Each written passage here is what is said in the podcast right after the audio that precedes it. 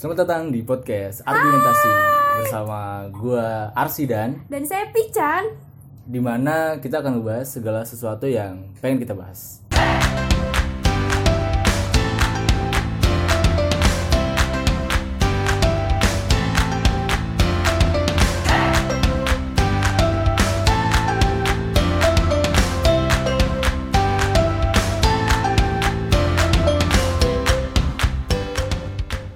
Pertama kali ini kita mau ngebahas apa nih Pican? Kita mau membahas tiga kata yang teman-teman suka banget ucapin. Yang pertama, Milenial. Terus ada apa lagi? viral Dan netizen. jadi kita ngebahas tiga kata itu dan Kenapa kita mau mau membahas itu? karena menurut gue sendiri nih ya kalau menurut gue tiga kata itu tuh em, sebenarnya sering banget kita gunakan tapi sebenarnya nggak semua orang tuh tahu makna dan arti sebenarnya dari kata-kata itu Tapi emang kenapa masalah buat kamu? jelas banget masalah buat gue lah karena eh, ketika lu ngerasa nggak sih pernah kayak lu lu melihat fenomena atau mendengar sesuatu yang tidak pada tempatnya tidak seharusnya kan lu merasa we have to fix it gitu kan Eh, berarti lo akan mengkotak-kotakan seseorang yang ngerti dan yang nggak ngerti kalau kayak bukan gitu. bukan bukan itu gue hanya ingin mencoba eh, mencerahkan sesuatu yang gelap aja Oh, kirain gue kalau misalnya ada yang nggak ngerti, wah lu nggak ngerti pakai kata-kata viral nggak usah bilang viral. ya ada banyak cara kita untuk mencerahkan seseorang tapi nggak nggak harus kayak gitu juga Oke lanjut. Yang pertama mau bahas apa? Cih. yang pertama yang paling banget yang paling gue sebel banget itu adalah milenial Milenial. BTW eh, udah dibikin treat loh. Kepo ya.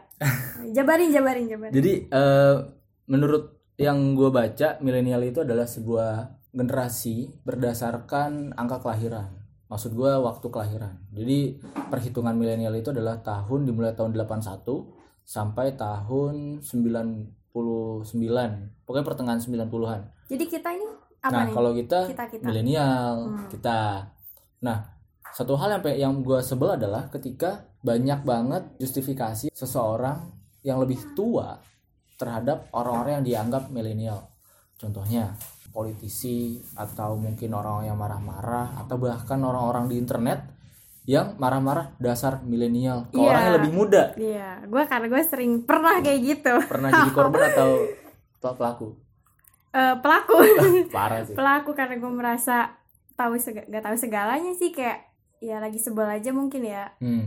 Eh, ya udah gue meng- mengatakan seseorang di bawah gue lu milenial yang gak tahu apa-apa. anjir Anjay, enggak tapi serius.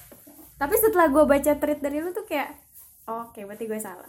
Siap, siap, siap. Jadi milenial itu bukan cuman orang yang lebih muda dari lu. Jadi lu tuh bukan patokan Iya. dari milenial itu. Milenial itu kalau yang Berarti kita gue tong baca kosong gitu ya. enggak juga sih. Makanya kita bahas ini supaya orang-orang di luar juga tercerahkan gitu. Jangan mau lu jangan mau dibilang dasar milenial. Oke. Karena bisa aja yang yang ngomong itu juga milenial. Coba ulangi dong, takut teman-teman lupa. Jadi milenial itu dari tahun berapa sampai tahun berapa? Jadi milenial itu adalah sebuah definisi terhadap generasi manusia berdasarkan catatan kelahirannya dari tahun 81 sampai 90 tengah akhir lah. Dan sekarang ini paradigma masyarakat terhadap kata milenial itu selalu jelek nggak menurut lo? Kalau Iya. gue sih iya. Iya, iya. Kadang eh, emak gue juga di rumah kayak gitu. Gimana kayak tuh? ke adek gue kayak makanya kamu tuh baca tuh berita politik jangan main game online mulu dasar anak milenial. Kan apa korelasinya gitu? Apa korelasinya gitu? Jadi Dan dan seperti nyokap itu. lu kelahiran tahun? Tujuh tujuh berarti sekitar 4 tahun setelahnya tuh dia jadi milenial sebenarnya. iya. Jadi nggak tua-tua banget kan. iya makanya. Dan dan gue juga punya saudara gitu dia tuh kelahiran bahkan dia kelahiran 90 jadi dia tuh ketika memberikan ceramah wejangan selalu menganggungkan generasinya. Iya. dia tuh nih zaman gue itu orang-orangnya kreatif. Oh zaman gue orang-orangnya bekerja keras. Kalau misalnya melakukan sesuatu dan buntu selalu bisa menemukan jalan keluar. Berbeda sama generasi kalian. Apa ya generasi milenial? Kan gue bilang anjing bacot dia bilang generasi milenial yang apa-apa gadget, apa-apa susah untuk memulai, susah untuk bertahan, melakukan kreasi dan karya. Padahal dia kelahiran 90 gitu dan dia me- menghakimi kami orang-orang di bawah dia sebagai dasar milenial gitu. jadi sebenarnya apa yang mendasari kata milenial jadi suatu kalimat atau kata yang negatif Jadi menurut gue itu kenapa sekarang paradigma milenial itu dianggap sesuatu yang buruk? Ya karena memang gue akui banyak hal-hal buruk terjadi sama kebetulan aja itu dilakukan oleh orang-orang yang kelahiran 80 sampai 90 akhir. Kayak uh, kasus-kasus kayak orang-orang tawuran, anak-anak sekolah atau kasus-kasus yang anak-anak kayak viral apa ya yang main game terus mereka itu berantem gitu-gitu. Terus juga kelakuan mereka di internet yang gampang banget tersulut emosi dan lain-lain. Jadi seperti yang gue bilang juga karena orang-orang yang punya sifat buruk itu bukan cuma anak-anak orang-orang yang kelahiran 80 sampai 90-an kan kalau lu me- menganggap orang yang sifatnya buruk dasar milenial berarti lu akan bisa juga dianggap tuh DNA ID itu tuh milenial. Karena di apaan lu dasar lu? Kalau zaman dulu mungkin ya kalau DNA ID nih. Eh lu DNA ID Gila. dasar lu eh, berkhianat sama negara dasar milenial. Kan nggak mungkin gitu. Jadi milenial itu kenapa orang-orang yang dianggap jelek itu selalu dianggapnya milenial? Dan milenial kenapa dianggapnya jelek?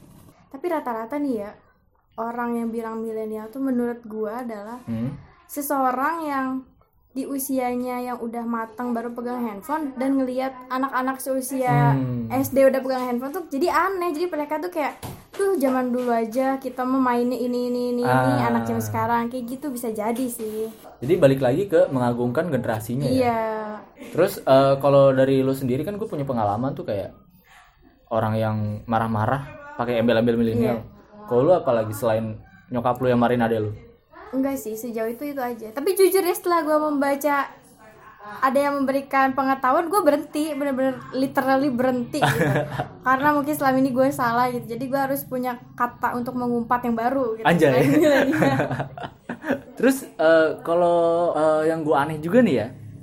Jadi selain penggunaan kata yang salah terhadap dirinya sendiri yang sebenarnya dia juga bagian dari milenial, juga penggunaan kata yang salah terhadap orang yang dia tuju. Contohnya eh, orang-orang yang ke anak sekolah atau ke anak yang lu bilang kan anak SD yang main HP dibilang dasar milenial, anak-anak SMA punya kasus dasar milenial, anak-anak SD eh, nggak pernah main keluar dasar milenial.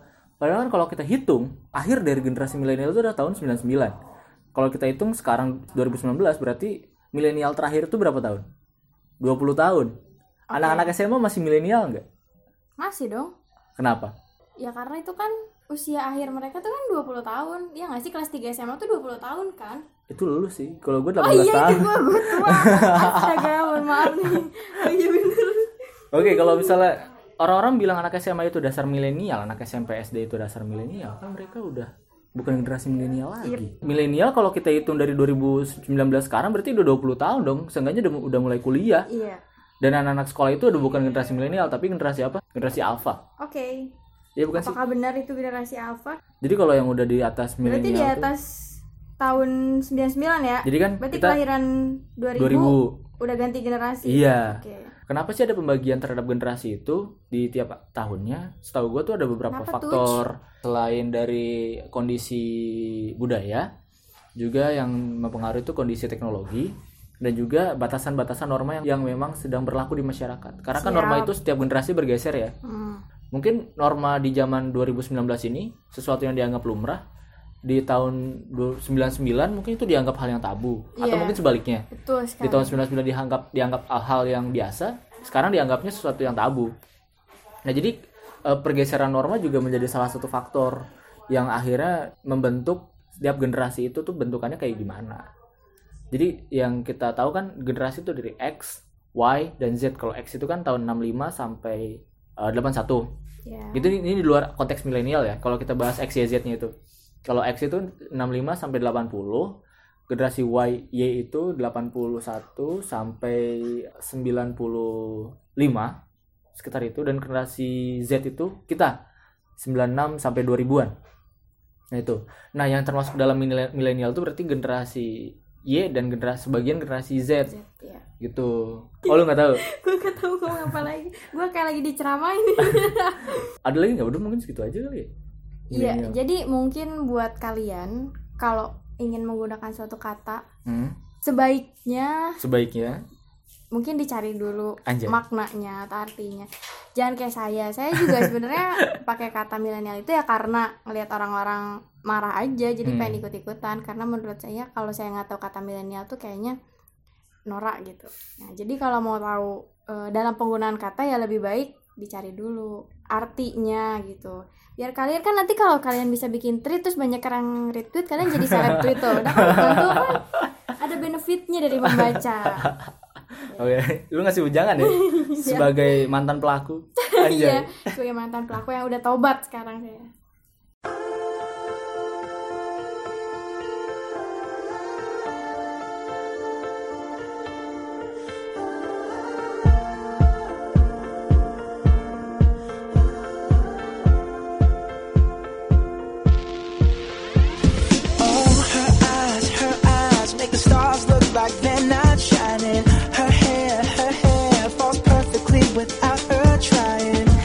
so beautiful, and I tell her every day.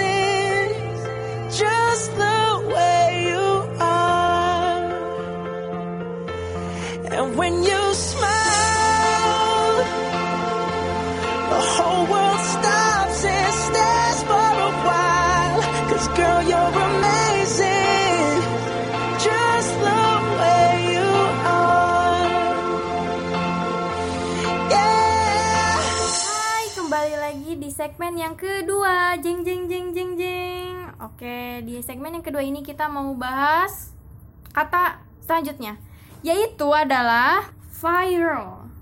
Orang Sunda sebut viral. Dan orang Indonesia lainnya sebut viral. Jadi eh, kenapa kita mau ngebahas ini? Karena kalau gue sih berbeda sama konteks tadi milenial yang ada kesalahan dalam penggunaan. Kalau viral ini bukan kesalahan dalam penggunaan, tapi gue merasanya udah gumuh banget denger kata ini gitu. Terus harus apa dong? Diganti. Enggak juga sih. Oh, oke. Kalau gue pribadi, tapi memang lebih sun- lebih senang mendengar kata eh, Kekinian. Bukan. Oh, oke. Misal Hits. ada ada ada konten nih viral seorang bapak menghamili istrinya gitu misalnya. diganti jadi kayak apa ya kayak heboh kayak apa kayak bahasa Indonesia yang biasa di yang ada di berita gitu Tapi kan itu sesuatu yang bakal kita baca. Kalau misalnya pakai kata heboh udah biasa. nah itu ada ada kecenderungan karena gini ya viral tuh kan kalau di Indonesia ini sesuatu yang baru Yep. maksudnya masyarakat lu pertama kali denger tahu viral tahun berapa Gak tahu sih tahun berapanya, pokoknya ketika gue SMA tuh tahun berapa ya. Terus ada suatu kejadian gitu, terus akhirnya gue tahu kata viral. Dan gue nggak pernah searching apa kata viral, gue menyimpulkannya sendiri viral tuh adalah yang lagi heboh. Tapi bener kan? Artinya Iya, tuh lagi iya. heboh. lagi banyak diomongin Iya. gitu kan berarti tahun berapa tuh SMA kan lu orang-orang nggak tahu lu SMA kapan Aduh, c- SMA 2016 ya? Iya, 2016. 2016 lulus Ya, sekitar segituan deh kayaknya Oke, kelas 3 SMA. pertama Nah, kali denger dari pertama kali dengar dari kejadian dari Maksud- TV kayaknya. oh, dari TV udah ada ya waktu itu kayaknya. ya? Iya, udah ada. Jadi suatu kejadian dan nyebutnya viral. Dan akhirnya viral viral viral viral viral ah di mana-mana. kalau kalau gua sih pertama kali denger tuh kelas 3 SMP Wah gila si senior saya nih, dia lebih tua dari saya. 2013 pertama kali banget tahu tuh yang yang setahu gua ya yang yang gua Gila anjir 2013 gue baru putus cinta atau kata viral loh. yang gua yang gua tahu itu eh, pertama kali TV yang yang pakai kata viral setahu gua ya setahu gua itu The Comment acaranya di net Emang The Command udah dari tahun 2013 ya? jadi The Comment itu adalah salah satu acara TV yang pertama kali The Comment eh, net, net ada tuh udah ada The Comment Iya emang. Iya kan? Tahu. Nah, pertama kali banget ada viral yang gue denger itu dari TV dan TV-nya itu dari net dari komen. Tapi Danang Dandarto bilang bukan viral, Terus? viral. Oke. Bilang viral. Tuh, Jadi pertama kali gue tahu tuh 2013 dari Comment net kayak gitu. Jadi sebenarnya bacanya tuh gimana sih? Viral apa viral? Kalau di bahasa Inggris sendirinya kan sebenarnya viral viral viral itu kan singkatan dari virus virtual. Yes. Kalau bahasa Inggris bener kan dibaca virus kan, bukan Iya. virus kan. Ya. Bahasa Indonesia virus. Ya, Miley virus bukan ya? Cyrus. berarti eh, pertama berarti kalau kita pakai konteks bahasa Inggris harusnya viral. ya. Tapi kalau kita pakai konteks bahasa Indonesia yang virus virtual berarti viral. Gitu. Jadi ya singkatannya virus virtual. Jadi viral itu diciptakan oleh seseorang bernama Douglas Rushkoff. Ya, Rushkoff. bacanya? Rushkoff. Dia orang mana sih? Douglas Rushkoff. Yang pasti sih kalau penemu gitu biasanya Amrik ya. Oh, biasanya ya. Karena Da- Da- Da- Douglas Rushkoff itu bukan nama Orang Itali. Jawa. Oke. Eh, jauh lu jauh sih mikirnya. Iya. Nah, Terus viral itu istilah hmm, yang mana itu tuh disebutnya vir Virus, virus. virus virtual. virtual atau media viral. Hmm. Nah, di sini itu awal mulanya singkat cerita ya. Singkat ceritanya apa ya? Ntar dulu. lah buset, main singkat cerita aja. Jadi singkat ceritanya gimana? Ah ini gimana sih Ibu eh, informan? Aduh, bentar dulu ya, bentar dulu, bentar dulu, bentar dulu. Iya, jadi ceritanya itu orang-orang, ih bukan, bukan, Apaan sih lu? bukan, bukan. Aduh, ya udah intinya, kok langsung ke inti ya. Jadi ceritanya tuh viral itu eh, mulai ada tuh tahun 1990-an. Enggak, enggak 90, fuck. 80-an. 1900-an ternyata. Oh, lama banget ya. Ya, awalnya tuh karena orang-orang ditipu agar meneruskan agenda tersembunyi ketika meneruskan konten menarik. Nah. Hmm. Tahu kan? Jadi di sini kita udah tahu ada kata konten menarik. Nah, jadi secara nggak langsung si konten menarik ini tuh kayak disebarkan Hmm. semacam virus. Nah, jadi mungkin si Bapak Douglas Douglas. ya, Douglas Raskop ini ngomong nih bahwa wah konten menarik itu kayak virus ya cepet nyebar tek tek tek. Ya udah deh gue bilang aja deh ini namanya viral. Artinya gimana sih tadi ngomongnya? Ya singkatannya virus virtual. Apa tuh? media viral. Nah, Anjay. gitu. Jadi sejarahnya awalnya karena ada si Douglas Rushkoff ini ketika melihat konten menarik. menarik terus malah menyebar secara cepat cepat banget ya. menyebarnya iya. Hmm, hmm, Tapi kan ada ada agenda ada agenda tersembunyi di situ dari dari gue denger pengertiannya untuk meneruskan iya untuk meneruskan agenda tersembunyi ketika meneruskan konten menarik agenda tersembunyinya apa itu ya? Hmm, saya nggak tahu Terus kalau menurut lu penggunaan kata viral di Indonesia ini udah tepat nggak? Kalau menurut gue sih udah. ya udah cuman memang karena jadi bahasa sehari-hari aja Hmm, hmm. tapi gua nggak tahu akan bertahan sampai kapan dan kalau gua rasa sih kata viral dan atau viral ini juga udah mulai banyak orang males sih kalau kata gua sih. Apaan sih itu? Udah mainstream banget gitu loh. Kata kata-kata itu tuh udah udah nggak udah nggak hype lagi kalau kata gua. Karena hype itu kan udah lama tuh. Sekarang udah terlalu lumrah disebutin jadi udah nggak ada spesialnya lagi.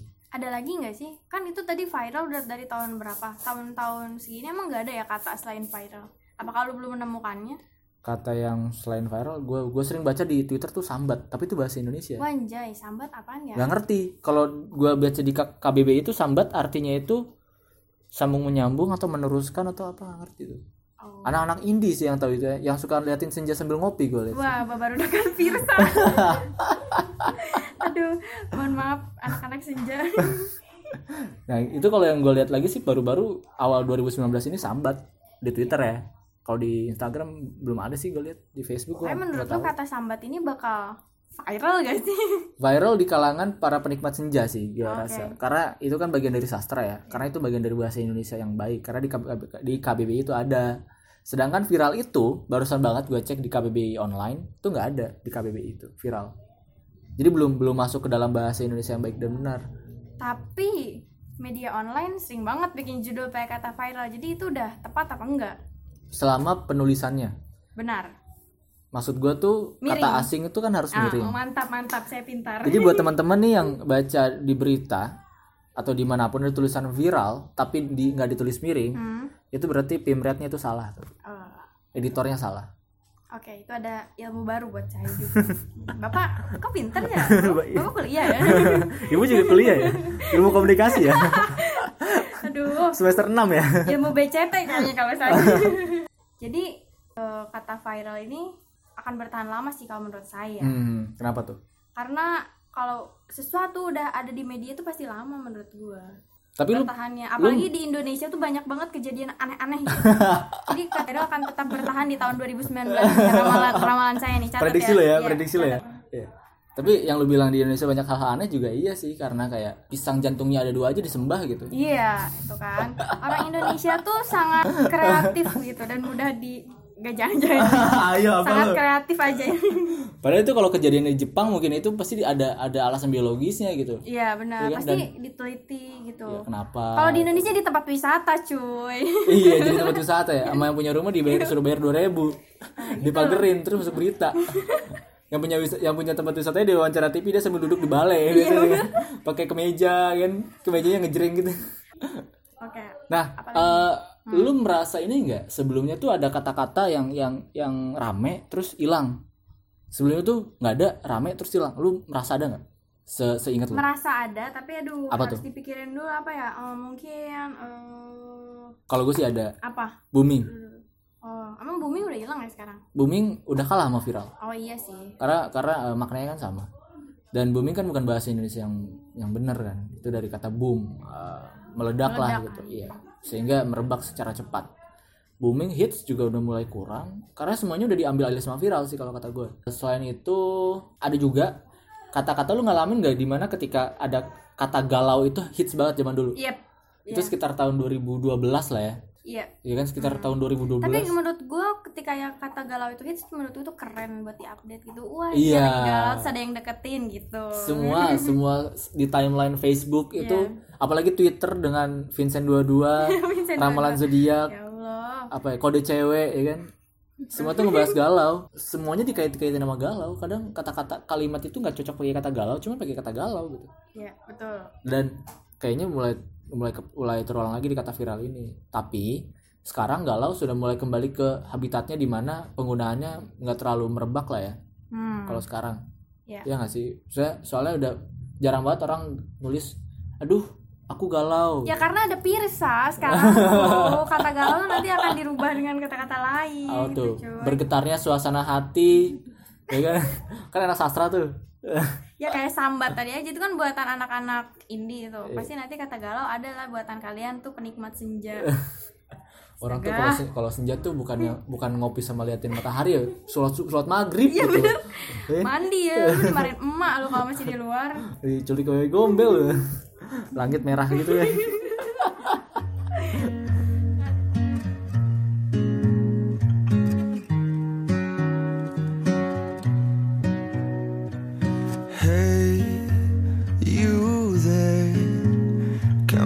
take it to the next level, baby. Do you dare? Don't be scared. Cause if you can say the words, I don't know why I should care. Cause here I am, I'm giving all I can, but all you ever do is mess it up. Yeah, I'm right here. I'm trying to make it clear that getting half of you just ain't enough. I'm not gonna wait until you're done pretending you don't need anyone. I'm standing in naked. I'm standing in naked.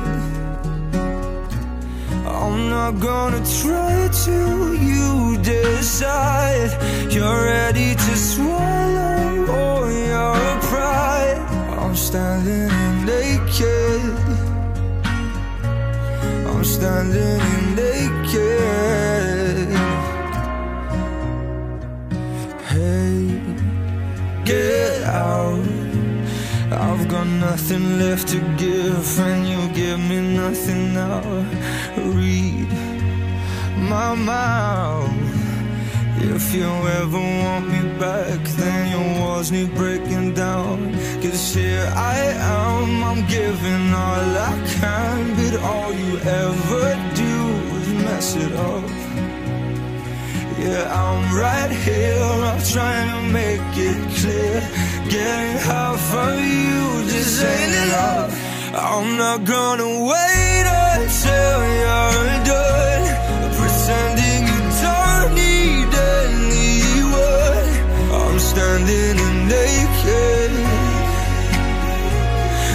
standing in naked. You see that I'm naked. I'm not gonna try to you decide you're ready to swallow all your pride. I'm standing in naked. I'm standing in naked. I'm standing here naked.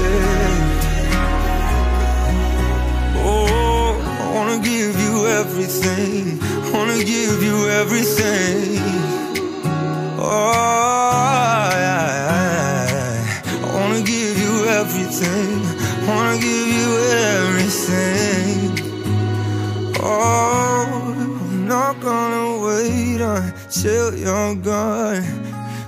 Cause you you don't need anyone. Can't you see that I'm naked?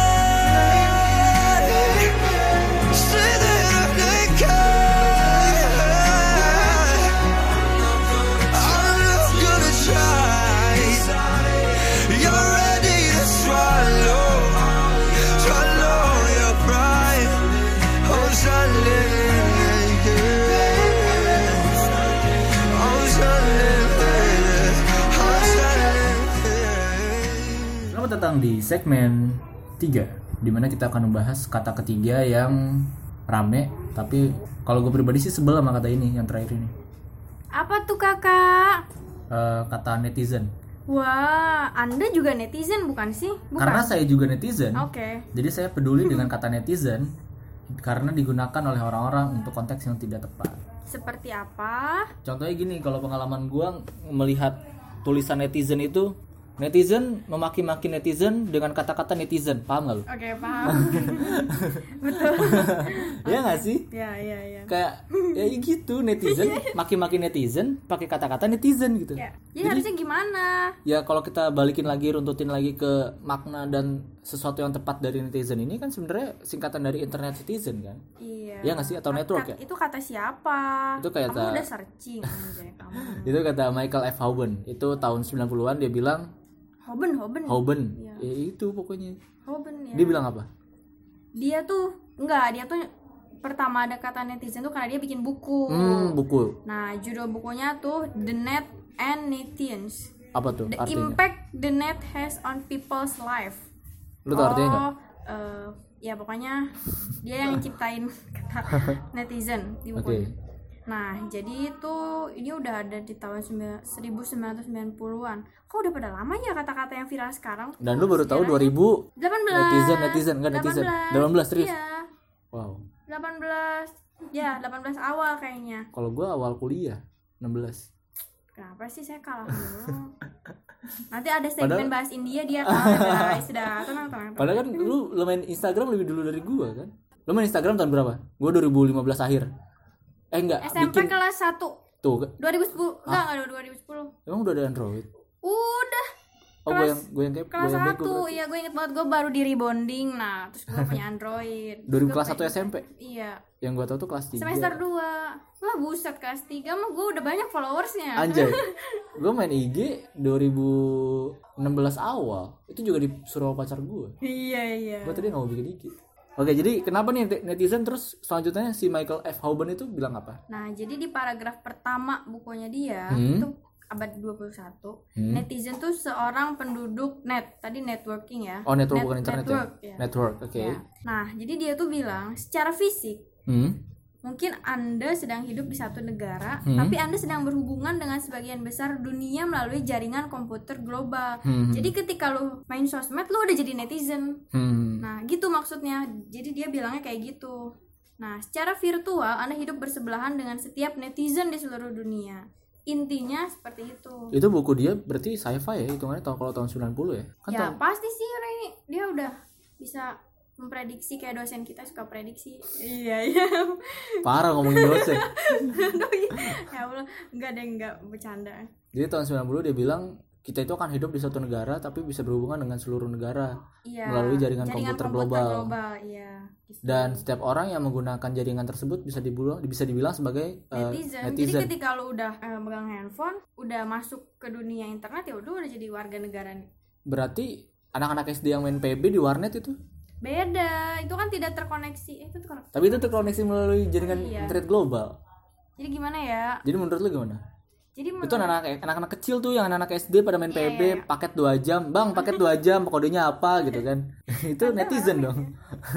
Hmm, mungkin nggak tahu juga sih. Iya kali ya. Saya Kalau kata gue sih iya. Iya kayaknya kalau dari si Hoban Michael ini, Hoban ini ya. iya. Nah, tapi Hmm? ada yang lebih seru. Apa tuh? Teman-teman harus tahu eh, netizen tuh beda-beda di setiap negara. Oh iya. Iya. Oh, lu lu lu tahu defini apa perbedaannya gimana tuh? ya gue baca dong, Gimana? ikro. Eh, Anjay. Ikro. nah, jadi kan ya gue tuh kadang pernah membandingkannya dua negara doang. Hmm. Netizen di negara Indonesia dan di negara Korea. Oh, Korea. Oke. Iya. Gimana tuh bedanya?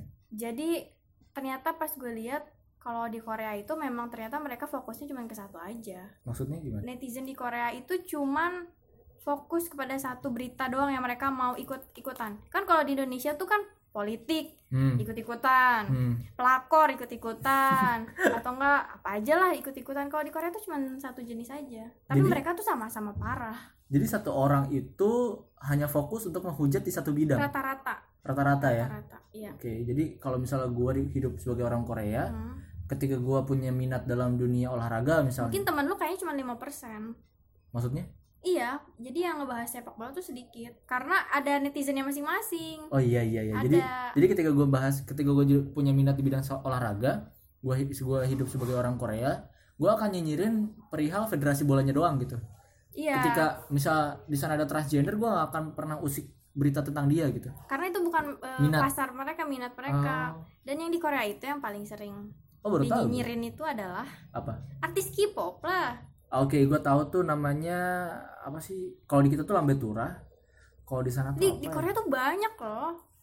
Ada ada yang malah sampai kayak ag- udah banyak tuh di Korea agensi-agensi yang ngelaporin Hmm. netizen karena saking parahnya gitu. Karena urusan percintaan artis Korea tuh diusik gitu cuy. Ketika, ketika lu nge- udah mempersatukan satu pasangan dan Mhm. ternyata nggak jadian, Mhm. lu bakal dimaki-maki.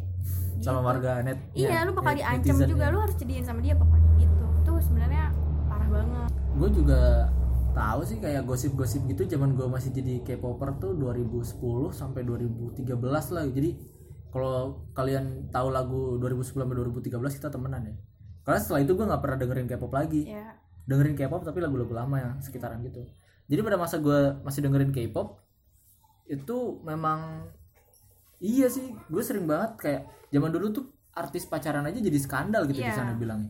Padahal apa salahnya kan orang pacaran gitu kan? Jadi netizen itu emang beneran buas sih. Iya. netizen di sana untuk masalah uh, entertain ya. Hmm. entertainment itu bener-bener buas. Eh, ada juga nih netizen yang lain. Apa tuh? Kayak ya kayak tadi kan semua itu ada pasarnya, pasarnya Nah. kayak di Inggris. Tau kan? Inggris netizen ya kita tahu lah ya. bahasnya apa? Bola. Iya itu pasar mereka. Mereka mencaci makinya parah sih kalau Inggris. Itu, kalau di bola. Eropa tuh paling paling gila tuh Inggris sih netizen Iya, bolanya itu. Betul sekali anda. Bener-bener wah gila sih. Segala dimaki-maki di koran aja itu isinya ada yang makian gitu. jadi perbedaan pendapat kita tuh bukan karena kita memilih siapa presidennya tapi tim lu. Kalau tim lu kalah nih tim sepak bola lu kalah lu dimaki-maki udah. Kalau mau presiden lu siapa di sana tuh nggak nggak terlalu I don't care lah ya. Iya yang penting tuh sepak bola ya karena emang segmen terbesar di sana sepak bola iya mungkin ya. gitu. Nah itu tuh bulian yang paling parah di Inggris tuh tentang sepak bola. Hmm. jadi makanya lu jangan mendukung sepak bola yang kaleng-kaleng kalau di Inggris. Tapi lu ngedukung MU iya lah itu MU? kan enggak dong enggak dong. MU apa? Jangan sampai saya bahas sejarah MU nih lama nanti jangan tapi kalau di Indonesia emang ada yang salah ya dengan netizen Indonesia? Yang yang multitasking bisa membahas apa pun bisa sok tahu terhadap banyak hal? Kalau netizen Indonesia tuh ada spesialisnya. Apa tuh? Nggak cuman ngehujat Apa bikin juga? meme. Maksudnya gimana? Netizen Indonesia tuh paling kreatif kalau gue baca tuh di kaskus. Anak kaskus ya anda ya? Iya, anak gansis ya. Jadi eh, netizen Indonesia itu kalau misalnya ada fenomena tuh selalu Hmm. dibikin meme. Kalau Hmm. saya Oh, iya, kalau iya, gua iya, iya. lihat di netizen lain enggak. Kalau di Indonesia tuh pasti dibikin meme atau enggak dijadiin bercandaan. Ya contoh kasus eh, papa dulu banyak banget kan meme-nya. iya iya Nah, iya Tapi jadi orang tuh jadi makanya terus ngangkat-ngangkat berita itu karena ada banyak meme-nya. makanya beritanya waktu itu nggak habis-habis ya lama ya iya, sempetnya. itu kreativitas orang Indonesia tuh sebenarnya boleh juga. Ya kalau menurut gue sih itu karena terlalu banyak orang yang gabut sih di Indonesia ini. Oh iya. iya gak sih? Banyak pengacara ya. Apa tuh? Pengangguran banyak acara. Kalau kita pejabat ya? Apa tuh? Pengangguran Jawa Barat. Oke. oke. Jadi eh, netizen ini konklusinya kalau di Indonesia itu gimana sih netizen di Indonesia ini? Kalau lu bandingin dengan Korea yang yang eh, hanya orang satu orang tuh terpaku pada satu bidang dan Inggris terpaku pada sepak bola dominannya kalau di Indonesia tuh menyeluruh. Kenapa? Karena gak tahu kenapa. budaya kita yang kalau gue rasa ya? iya karena budaya kita sih karena oh, jadi konsep budaya di Indonesia itu kan gak enakan ya? Ya sopan santun gak enakan tapi terkesan terkekang. Jadi Iya. ketika ketika seorang harus melakukan sopan santun padahal dia nggak suka tapi emang normal di Indonesia kan harus sopan santun. Iya. akhirnya dia meluapkannya dengan apa? Dengan ngomongin di belakang. Ya berbeda dengan negara luar yang emang kalau nggak suka ya ngomong di depan. ya ya nggak sih? Amerika atau iya. Kalau di Amerika kan ya kalau lu gue nggak suka ya ah gue nggak suka lu bau badan lu bau ketek Iya. gitu kan di Amerika bilang. aja eh, lu presiden mau dinyinyirin nggak apa-apa. Iya. Beneran nggak apa-apa. Zamannya George Sebebas Bush juga. itu, iya. iya jadi konten stand up komedi zaman dulu tuh udah parah sih dulu. Jadi kalau di Indonesia kan karena budaya nggak enakan sopan santun sehingga ketika emang ada yang nggak disuka tapi nggak berani ngomong akhirnya ya disebutin di- dibilangin di ke belakang. Dan itu berakibat kepada pribadi orang-orang di Indonesia yang senang ngomongin kejelekan orang. Iya. Dan apalagi di Instagram itu pakai second account semua pasti yang bacot-bacot itu yang ID-nya itu apalah angka semua Iya. atau apa ya kan? Nggak ada nggak ada foto profilnya kan? Jadi balik lagi ke inti. Apa tuh? Kenapa kata netizen ini terkesan eh, berlebihan? Penggunaannya. Mhm. penggunaannya ya? Ya karena fenomena kalau dari gue ya. Hmm. kalau dari gue karena masyarakat Indonesia yang gagap gagap gue bisa bilang gagap teknologi. Masa sih sekarang udah pada pakai smartphone tapi stupid people gimana tuh smartphone tapi belum tentu smart people Ya, ya. iya. nah mereka tuh orang-orang di kita tuh mungkin termasuk kita juga iya itu gagap teknologi ketika uh, sebenarnya kan per- uh, tahapan sosial media dan kecanggihan teknologi itu kan bertahap ya tapi kalau masuk ketika di Indonesia ini fenomena itu masuk semua itu cepat gitu. Ya. Termasuk itu yang belak apa ya bejubel gitu masuknya Hmm, itu hmm. dan masyarakat terutama di daerah itu belum terlalu siap. Ya. sehingga kita lihat belum banyak literasi media digital belum banyak pengetahuan tentang media digital sehingga orang-orang menggunakan media sosial seenaknya dia. Seenaknya Hmm. dia berkehidupan sehari-hari. Emang orangnya emang seneng bacot nggak jelas di sosmed ya gitu. Padahal sebenarnya kan nggak boleh. Nah itu karena kurangnya literasi media. Dan kenapa netizen dianggap kur apa ya dianggapnya jelek? Ya karena orang-orang yang menggunakan sosial media banyak yang melakukan seperti itu dan itu yang selalu disorot. Iya. Padahal banyak juga netizen yang baik. Hmm. Ya nggak sih? Kayak gue pernah sempat baca tweet di Twitter mengatakan bahwa fenomena bacot-bacot netizen di IG di komenan IG jadi dia bilang misalnya sebuah ada seorang artis posting foto misalnya ada 10.000 komen. Dan sebenarnya orang-orang goblok yang mancing itu doang tuh paling cuma 100 orang. Ketika ada 100 orang ngebacot ada seri ada 100 re- reply di sana oke yang orang-orang tersu- tersulut emosi Iya. jadi Saya sebenarnya pernah lu pernah Pernah saya. tersulut emosi Enggak tersulut sih pengen ikut-ikutan aja. Itu saya pernah komen di akun Lambetura. jadi lu sebagai netizen yang Hmm. yang suka liatin komen Lambetura ketika lu pengen menghujat itu ketika lu lihat postingan atau lihat komenan Komenannya. nah Komenannya. iya kan Iya. Jadi yang gue baca di tweet itu sebenarnya orang Indonesia tuh netizen Indonesia tuh bener-bener pinter-pinter. Cuman hanya ada 10% orang goblok yang mau mancing keributan dan orang Indonesia yang lain gobloknya juga ikutan kepancing. Iya. Gitu. Jadi nggak semua netizen tuh buruk, men. Iya, tapi rata-rata kan kata dasar itu pasti pakainya netizen dasar netizen. Padahal dia Padahal dia juga netizen gitu kan. Ya Allah. padahal anak-anak SD yang main PB juga. Ya, tapi gue Netizen. juga pernah gitu sih. Padahal bawa Pak PNS yang masukin data online juga netizen. iya. Makanya jadi tapi kan ada netizen budiman. Yang kayak gimana tuh? Kom di compare kan ada tuh kayak misalnya baca tuh artis komen nah inilah contoh netizen Oh, budiman. emang artis pernah kayak gitu ya? ada Oh, yang maksudnya tahu. balesin komen inilah contoh netizen nyinyir jadi ada penambahan kata setelah netizen gitu Oh, harusnya netizen juga ada itunya ya. Penambahan kata benar kata ya. iya karena kan kalau netizen umum kan Hmm, hmm, nah, hmm. kayak gitu emang lu gak pernah dengar netizen bang masa? Serius? demi apa? Ah, di sini gua kalah sama lu. netizen yang budiman tuh di twitter tuh sering banget loh. Tapi itu kan cenderung untuk menjatuhkan gak sih? Kayak apa ya? ada eh, part yang dipakai bilangnya- buat Nek, Budiman bilangnya Iya, Budiman padahal heeh, itu hmm, ada. Tapi ada kalau yang gue pernah baca sih itu bagus positif. Tapi ya balik lagi sih gimana orang nangkapnya jadi jadi eh, kesimpulannya adalah nggak semua netizen di Indonesia itu buruk. Karena kalau lu ini bukan berdasarkan penelitian besar sih ini berdasarkan penelitian gua sendiri dan mungkin lu juga sebenarnya dari kalau kita kalkulasikan dari 1000 komen yang ada di sebuah postingan artis hanya 10% orang goblok yang menyulut emosi Iya betul sehingga sekali. komenannya saya rusuh yang pernah terpancing bukti jelasnya dan itu membuktikan bahwa netizen itu sebenarnya nggak semuanya buruk. Hanya ada orang-orang iseng pakai fake account mencoba untuk menyulut emosi dan gobloknya juga orang-orang kita kepada kesulut emosi. Iya betul. Jadi cobalah untuk menahan emosi lo ketika lo buka Instagram atau buka Twitter atau buka Facebook. Cobalah untuk tidak menyebarkan berita-berita tidak benar. Cobalah tidak mengkomentari dengan kata-kata kotor seperti itu. Karena Indonesia ini adalah negara yang terkenal akan keramahannya tutur kata yang baik jangan sampai di dunia glo di dunia eh, virtual kita dikenal sebagai masyarakat yang barbar Iya, jadi kita harus selalu sekedar mengingatkan saja ini kalau mau didengar monggo nggak jangan lupa apa-apa. emoticon tangan yang Iya. kayak tos gitu ya Jadi tiga pembahasan yang tadi intinya apa tuh? Kesimpulannya. Kesimpulannya, yang pertama mengenai milenial itu kita harus bisa eh, mengingatkan kepada lingkungan kita, eh, mengingatkan bahwa eh, milenial itu selama ini dianggap buruk tapi nggak semuanya buruk. ya, Dan cobalah untuk menggunakan kata milenial yang tepat. Karena kalau kita balik lagi gue bahas tadi, kalau lu bilang anak SMP SMA milenial tuh udah bukan milenial mereka. Milenial terakhir tahun 99 kelahiran itu udah 20 tahun, udah masuk kuliah. Generasi milenial di SMA itu udah nggak ada. Mereka bukan generasi milenial. Mereka tolong generasi ya lain. didengar, tolong didengar bapak-bapak, ibu-ibu. yang suka marahin anak muda Iya. dengan kata-kata dasar milenial, dasar milenial tit gitu ya. Tolonglah ya, tolong, tolong ini ya. Gue mohon dengan sangat untuk menggunakan kata-kata yang baik dan benar di tempat yang baik dan benar juga. Dan selanjutnya itu viral. ya. Gue no comment sih kalau kalau soal urusan ini karena emang selama ini belum banyak yang salah. Paling disalahgunakan untuk untuk clickbait sih. Judul ya. Clickbait. Tuh, heeh. clickbait dan gue sendiri sudah mulai agak pengang kuping gue ketika dengar viral tuh udah udah apa ya setiap menit tuh kalau lu buka sosial media atau apa pun Apalagi online, ini media viral. online selalu viral. viral tuh kata-kata yang udah Ditambah bosen banget gitu gue fenomena di Indonesia memang aneh-aneh. Jadi ya udah.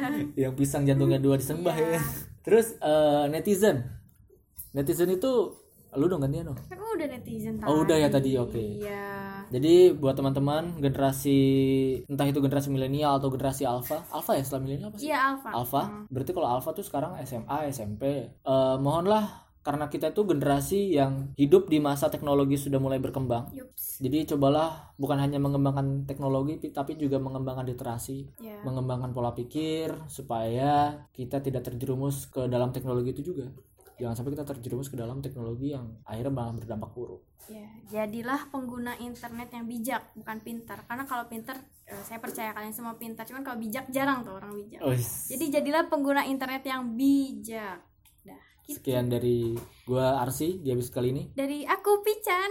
Sampai ketemu di episode berikutnya. dadah Bye. dadah